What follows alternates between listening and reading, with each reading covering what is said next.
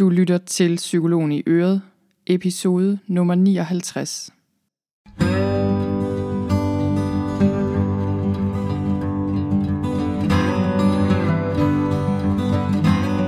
Velkommen til Psykologen i Øret. Jeg er psykologen Birgitte Sølstein, og Øret, det er dit. Tak fordi du lytter med.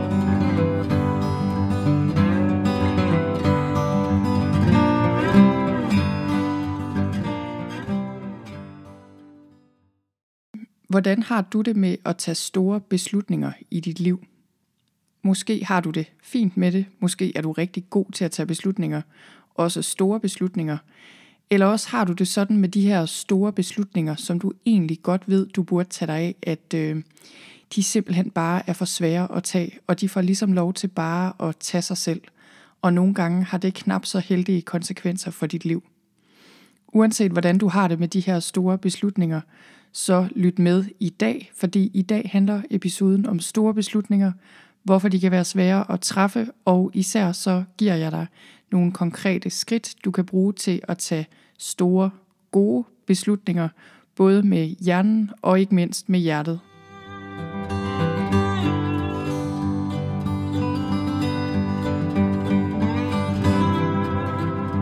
Velkommen til. I dag skal det som sagt handle om store beslutninger. Egentlig så tror jeg på, at det, der former vores liv først og fremmest, det er de små beslutninger. Altså dem, vi tager dag ud og dag ind. Hvad vi spiser, hvordan vi kommunikerer med de mennesker, der er omkring os, hvad vi bruger vores tid på, hvem vi bruger vores tid sammen med, osv. Men en gang imellem, så er der også de her store beslutninger, som skal tages, hvor tingene bliver sat på spidsen, kan man sige, i vores liv, og hvor vi simpelthen bare kan se, at vi har brug for at tage en stor beslutning. Og vi kan også se, at den her beslutning, den vil have store konsekvenser for vores liv, og måske endda også for andre. Det kan være øh, arbejdsmæssigt, altså om du skal blive i et job eller få et nyt. Det kan handle om der, hvor du bor, om du skal blive boende, eller om du skal flytte. Det kan handle om øh, børn, om du skal have børn, eller om du ikke skal have børn, eller om du skal have flere børn. Hvem du skal have børn med, og det kan også handle om din partner, om du skal blive hos din partner, om du skal vælge en ny partner, om du skal gifte dig med din partner, eller måske blive skilt fra vedkommende. Så der er altså bare nogle gange de her meget, meget store beslutninger, vi har brug for at tage. Og i episoden i dag, der fortæller jeg dig om et par af de store beslutninger, jeg selv har taget i mit eget liv, og så kigger jeg lidt nærmere på, hvorfor det er, det nogle gange er meget svært at tage de her store beslutninger. Og sidst men ikke mindst, så giver jeg dig altså den her praktiske øvelse, som er nogle trin, du kan gå igennem. En lille proces, der vil hjælpe dig med at tage gode beslutninger. Og den her proces, den består både af sådan en mere rationel del, og så består den også af en visualisering, der vil hjælpe dig med at have dit hjerte og din intuition med i din beslutning, fordi begge dele er lige vigtigt. I sidste uge der fortalte jeg om den her kæmpemæssige beslutning, vi selv har taget om at flytte. Så vi flytter familien fra den ene ende af landet til den anden, næsten i hvert fald. Vi bor lige uden for København nu, og vi flytter til en lille by i skoven syd for Aalborg. Så øh, den her proces, det har været en meget lærerig proces, og det har også været en svær proces indimellem, men den har lært mig vildt meget om beslutninger. Andre beslutninger, jeg har taget i mit liv, sådan af den store slags, øh, vil jeg sige, det var i første omgang beslutningen om at tage afsted fra Thy og tage ud og rejse efter gymnasiet. Det var noget, der virkelig betød noget for, hvordan mit liv kom til at forme sig efterfølgende. Så var der også den her beslutning, der handlede om, hvad jeg skulle læse på universitetet, og den beslutning lavede jeg faktisk om undervejs, fordi først så tog jeg en bachelor i engelsk, og så ombestemte jeg mig simpelthen og øh, startede forfra og blev psykolog i stedet for så er der også de beslutninger, jeg har taget omkring at få først et barn, og så et barn mere, og blive gift med min mand. Det var også en af de helt store. Og øh, så har vi købt hus to gange indtil videre, og det har jo selvfølgelig også været store beslutninger. Og når du kigger på dit liv, så kan du måske også se, hvordan der har været store beslutninger undervejs, som virkelig har betydet noget for dit liv. Og måske kan du se, at du er blevet bedre og bedre til at tage store beslutninger over tid – men det kan også være, at du kigger på dit liv og tænker, at du ikke rigtig har taget ansvar for de store beslutninger, og måske bare har udskudt dem, fordi det var for svært og uoverskueligt. Og store beslutninger er svære, og ofte så tager vi dem tit først, når vi er tvunget til det, desværre. Men her i dag, der vil jeg vise dig, hvordan du kan begynde at gå i gang med at tage store beslutninger i dit liv på sådan en mere aktiv måde, så det ikke ender med, at du ikke får taget dem. Men inden vi kommer til det, så vil jeg lige fortælle om et par ting, som er vigtige at vide om beslutninger. Og det første, det handler om, hvordan man egentlig ved, at man overhovedet har brug for at tage en stor beslutning.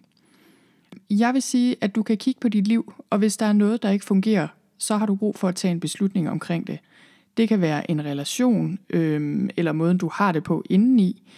Det kan være, at du er stresset, eller føler, at du mangler mening i dit liv.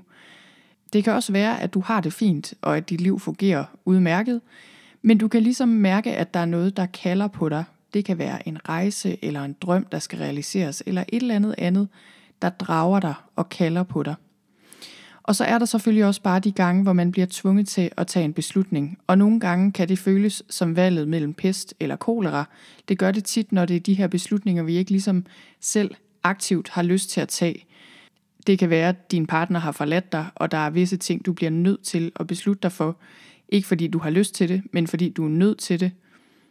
Men som hovedregel, så kig på dit liv, og hvis der er noget, der ikke fungerer, så kalder det på, at du tager ansvar, og så er der nok en beslutning, der skal tages. Noget andet, jeg gerne vil sige lidt om, det er det her med, hvorfor det er så svært at træffe store beslutninger. Og her er vi meget forskellige som mennesker, fordi for nogle af os er det ret nemt, og for nogle af os er det virkelig, virkelig svært.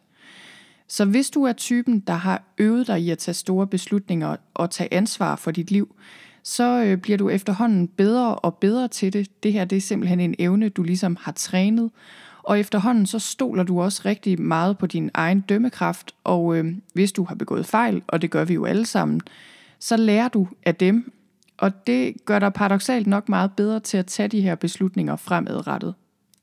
Men hvis du indtil nu har overladt ansvaret for dit liv til øh, tilfældighederne måske, eller til andre, eller hvis du har meget travlt med at leve op til andres forventninger, så kan det være rigtig svært at tage de her store proaktive beslutninger i dit liv. Det kan være, at du har den her fornemmelse af, at andre mennesker styrer dit liv. Men øh, det forholder sig jo faktisk sådan, at hvis du er voksen, så har du den fulde kontrol. Og øh, du bliver simpelthen nødt til ligesom at tage ansvaret tilbage for dit liv, og tage ansvaret for de valg og de fravalg, du tager. Og øh, det her, det handler også rigtig meget om at lære dig selv at kende, fordi hvis du indtil videre måske har lagt beslutninger over i hænderne på andre, så har du måske heller aldrig rigtig spurgt dig selv om, hvem du er, hvad du har lyst til, hvad der betyder noget for dig, hvad der er vigtigt, hvad der er mindre vigtigt. Og det der er med det her, det er, at der er ikke nogen opskrift, der er ens for alle. Så det her, det er ikke noget, du kan google dig frem til, eller ligesom kigge på andre mennesker og sige, hvordan skal jeg gøre det her? Det her, det handler om at kende dig selv og finde ud af, hvem du er, hvad dine værdier er. Og når du så begynder at finde ud af det, så bliver det meget nemmere at tage beslutninger, der harmonerer med, hvem du egentlig er. Men en anden grund til, det også er meget svært at tage beslutninger, det er jo fordi, vi har det bedst med det velkendte. Man ved, hvad man har, og man ved ikke, hvad man får. Og vi er rigtig bange for at tage den forkerte beslutning, og vi er bare generelt meget bange for den her uvidshed. Og det her, det har jeg virkelig mærket på egen krop. Jeg har brugt måneder på at overveje, om det nu var en god idé, det her med at flytte, og meget af det har handlet om mine børn. Fordi jeg vil gøre hvad som helst, for at mine børn har det godt, her ligner jeg nok de fleste andre forældre. Og øh, der har bare været ting i den her proces, øh, som jeg ikke helt har kunne styre. Jeg har lavet min research så grundigt, som jeg overhovedet har kunne gøre det. Jeg har prøvet at gennemtænke hver evig eneste lille detalje, men til syvende og sidst, så ved jeg jo ikke, hvordan det her bliver, før vi tager det her skridt. Og der er jo bare en vis risiko forbundet med at tage en stor beslutning. Det jeg er kommet frem til i min egen proces, og i vores proces her, det er, at der er en endnu større risiko ved ikke at tage den her beslutning, og ikke at gøre noget nyt. Men der, hvor jeg tror, mange af os også strander lidt, det er, at øh, vi er bange for, hvad andre tænker om os, hvis vi begår fejl. Så mange af os lever lidt med den her strategi med at være better safe than sorry, altså hellere ligesom ikke rigtig gøre noget, der vækker uheldig opmærksomhed, end at tage risikoen og så få kritik for det. Og problemet er bare, at det er ikke en særlig god strategi at bruge, når det kommer til beslutninger, fordi hvis vi skal leve efter den regel, så sker der aldrig rigtig noget nyt. når vi skal bryde igennem den her mur, der handler om, at det kan være svært at tage en beslutning, og at vi er bange for at begå fejl, og at vi er bange for den her uvidshed, så tror jeg, at det hjælper at minde os selv om, at den eneste fejl, vi egentlig kan begå, det er at lade være med at tage en aktiv beslutning. Fordi hvis du bare lader stå til, hvis du bare lader tiden gå, så spilder du tiden for det første og kommer ikke videre, øhm, og du giver ikke dig selv muligheden for at få den erfaring, du ville få, hvis du havde taget en beslutning. Så der er langt større risiko forbundet med ikke at tage nogen beslutning, hvis du har brug for at tage en, end at tage en. Fordi hvis du tager en beslutning og får en erfaring om, at det her, det var ikke endestationen, det var ikke det helt rigtige, så er du den erfaring rigere, og så kan du arbejde ud fra det. Og lad os så gå videre til, hvordan du gør det her i praksis. Og jeg har reflekteret lidt over min proces det sidste år, og øh, jeg kan se, hvordan der har været mange, mange elementer i den her proces, som hver især har været meget spændende og brugbare. Og jeg kan ikke nævne det hele her. Og den anden dag, der var der en øh, journalist, der spurgte mig, om jeg ikke skulle skrive en bog snart. Og det sagde jeg, at jo, det skal jeg nok på et tidspunkt, men at jeg ikke lige ved, hvad det skal være for en bog endnu. Og øh, da jeg så lavede episoden til i dag, så tænkte jeg faktisk på, måske skulle jeg skrive en bog om det her med at tage store beslutninger, fordi jeg har simpelthen lært så meget af den her proces. Sådan en slags drejebog på en eller anden måde til store beslutninger. Det tror jeg nu ikke, min første bog kommer til at handle om, hvis jeg skal være helt ærlig. Men øh, det jeg vil gøre her, det er i hvert fald at dele et par af de meget vigtige trin, der har været i min proces, og som har hjulpet os, og som du også kan bruge til at tage dine egne beslutninger. Så første trin er, at du skal have overblik over din beslutning. Så du kigger på dit liv og overvejer, om der er en stor beslutning, du skal have taget, og hvad det er for en beslutning. Og øh, beslutninger hænger sammen, så hvis det er en stor beslutning, så er den nok ligesom viklet ind i andre beslutninger. Og jeg ser det her lidt ligesom en garnnøgle, der sådan er filtreret sammen. Så det du skal, det er, at du simpelthen skal have fundet enden, og så skal du have viklet den her garnnøgle af beslutninger ud. Og øh, vi kan tage eksemplet med at skifte job til en stilling, som du tror vil gøre dig gladere og mindre stresset, og give dig mere tid med dine børn for eksempel, men hvor du også ved, at du kommer til at tjene det halve af det, du gør nu. Så umiddelbart så er det her en beslutning, der handler om, om du skal blive i dit job, eller sige det op, og så tage et andet job. Men med den her beslutning, der følger der mange andre beslutninger med. Fordi hvis du kun tjener det halve for eksempel, hvordan skal din økonomi så hænge sammen? Hvad skal skæres ned? Er det dine ferier? Er der et eller andet i din bolig, der skal ændres? Er der noget med dit forbrug? Så der vil være mange beslutninger omkring det her med økonomi. Og det her, det handler meget om, hvad der er vigtigt for dig. Så der er nogle værdimæssige beslutninger, du skal blive bevidst om her. Altså, hvad er vigtigst? Er det for eksempel, at jeg beholder den livsstil, jeg har nu, og har råd til det ene og det andet? Eller er det, at jeg bliver mindre stresset og kan være mere sammen med mine børn? Så alle de her mange beslutninger vikler du ligesom ud, og du får overblik over dem. Og det jeg vil anbefale dig at gøre, det gør jeg i hvert fald altid selv, det er at sætte det her ned på papir. Så tag et stykke papir og skriv din beslutning op, og reflekter på papir. Altså find ud af, hvilke beslutninger er det, du skal have afklaret her. Hvad er det for nogle værdier, du skal have op og vende. Det kan også være samtaler, du skal have med din partner eller med andre om de her store, vigtige beslutninger. Så når du har fået et overblik over den her vigtige beslutning, der skal tages, og måske de beslutninger, der ligesom hører med til den her større beslutning, så er næste skridt at sætte en deadline.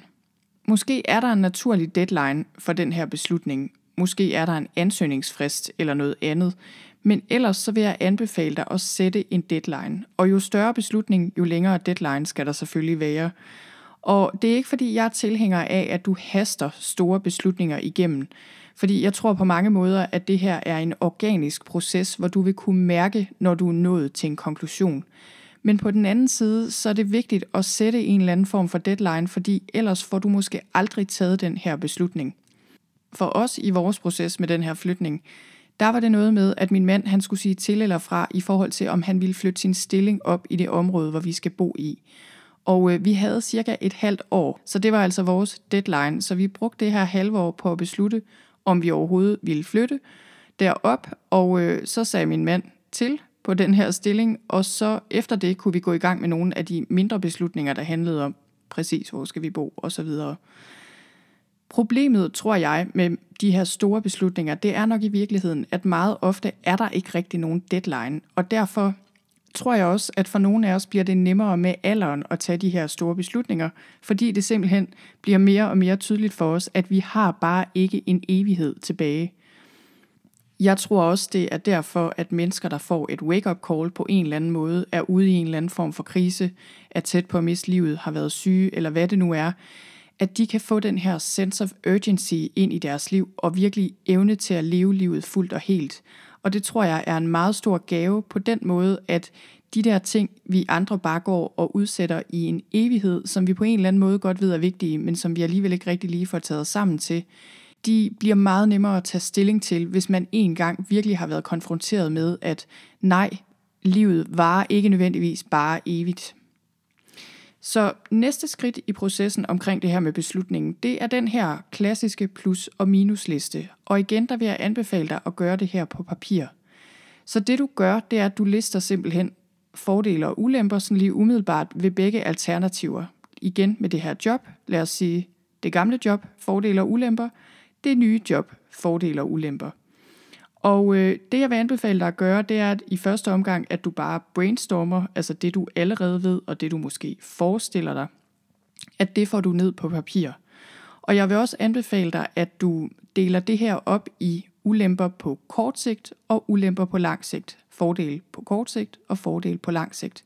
Fordi ofte så vil en svær beslutning handle om, at der måske er nogle ulemper eller noget ubehag på kort sigt, men som opvejes af fordele på lang sigt. Når du så har brainstormet, så kommer den her fase, som øh, handler om at researche, altså simpelthen få så meget information som overhovedet muligt. Og øh, jeg tror, at det her skridt er et af dem, vi nogle gange kommer til at springe over. Fordi vi tænker måske, jamen hvordan skal jeg researche på, øh, om jeg skal skifte job, eller om jeg ikke skal, eller om jeg skal flytte, eller om jeg ikke skal. Men der er masser af ting, du kan gøre for at få så meget information som muligt.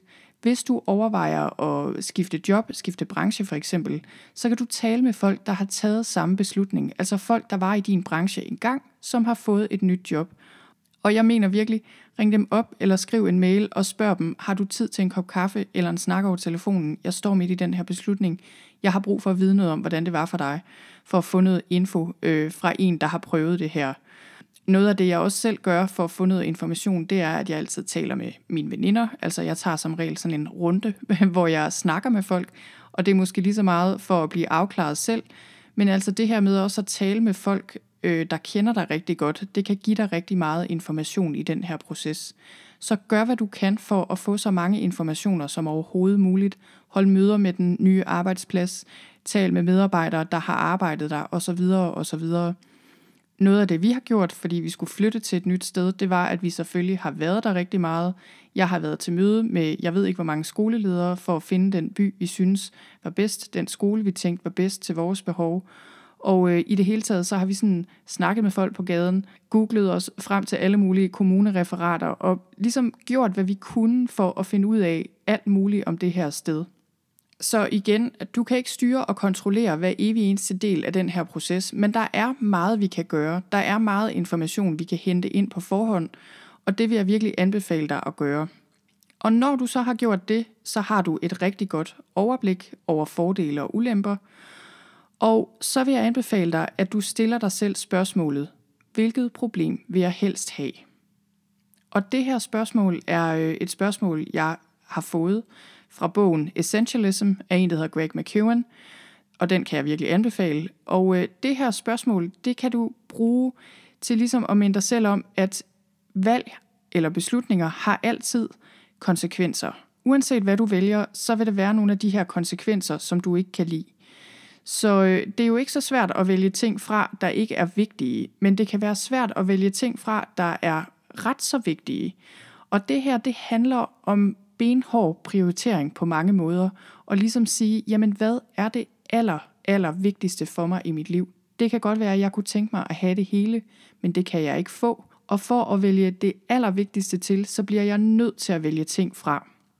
Så det her spørgsmål, hvilket problem vil jeg helst have, det er et rigtig godt spørgsmål, der på sådan en omvendt måde faktisk kan pege dig i retning af den rigtige beslutning. Og det sidste trin, jeg vil anbefale dig i den her proces, det handler mere om at lytte til dit hjerte, eller din intuition, eller din mavefornemmelse, eller hvad du nu vil kalde det. Fordi det her med at tage beslutninger er jo ikke kun en mental proces. Det er selvfølgelig vigtigt at have sund fornuft med i den her proces, men øh, langt hen ad vejen, så vil du også bare kunne mærke, hvad der er det rigtige, hvis du mærker efter. Jeg har det efterhånden sådan, at jeg kan altid mærke, når jeg er på vej i den forkerte retning.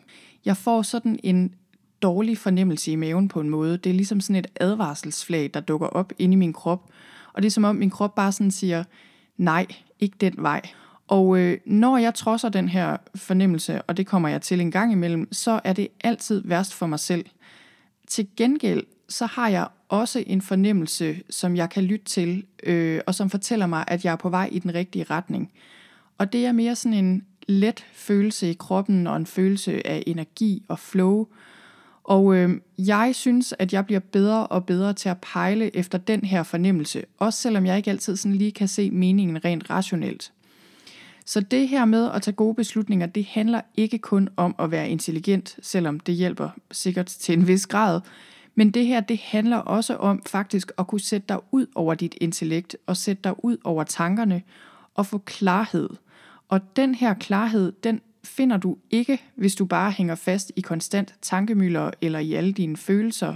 Det her handler om at få noget sindsro og også at komme i kontakt med de dele af dig, der allerede ved, hvad der er rigtigt at gøre. Så det jeg på et tidspunkt gjorde i den her proces, og det jeg også vil anbefale dig at gøre, det er at lave en visualisering, hvor du møder dit fremtidige selv. Min erfaring er, at visualiseringer kan være en rigtig god måde at komme i kontakt med vores visdom på. Og det her, det er et eksempel på, at øh, du kan bruge en visualisering, altså hvor du ser noget for dit indre øje, og så ligesom kommunikere med de her dele af dig selv. Så det her er meget enkelt. Du skal finde en stille stund på 10 eller 20 minutter måske. Så skal du lukke øjnene, og så skal du forestille dig, at du møder dig selv om 20 år, og så spørger du dit fremtidige selv til råds om den her beslutning, du er i gang med at tage. Og så skal du lytte til, hvad der bliver sagt, og jeg vil anbefale dig, når du så er færdig med den her øvelse, at skrive ned med det samme, hvad der bliver sagt jeg har haft nogle ret så interessante oplevelser med den her øvelse, og jeg har også mødt andre deltagere på mit forløb og klienter, som, øh, som virkelig har fået meget ud af den her øvelse. Så, øh, så den vil jeg anbefale dig at bruge. Og så vil jeg ellers slutte af med at sige, at når alt det her er sagt med at gøre dig umage med at tage gode beslutninger, når det kommer til de her store beslutninger i dit liv, så tror jeg også på, at når vi så ellers har gjort os umage ved vores beslutninger, så er det jo tit sådan, at tingene går på en helt anden måde, end vi havde forventet. Og det er sådan, det skal være. Men når du tager ansvar for din del og gør dig umage med at handle, når det er nødvendigt i dit liv, så tror jeg også på, at livet hjælper dig med resten. Og jeg tror, det er meget vigtigt at give plads til overraskelser her i livet, og virkelig huske os selv på, at når alt kommer til alt, så kan vi ikke styre eller kontrollere vores liv, eller regne ud, hvad der kommer til at ske. Men øh, det at tage ansvar for de store beslutninger i dit liv, det tror jeg er et rigtig godt sted at starte. Det var alt, hvad jeg havde for i dag.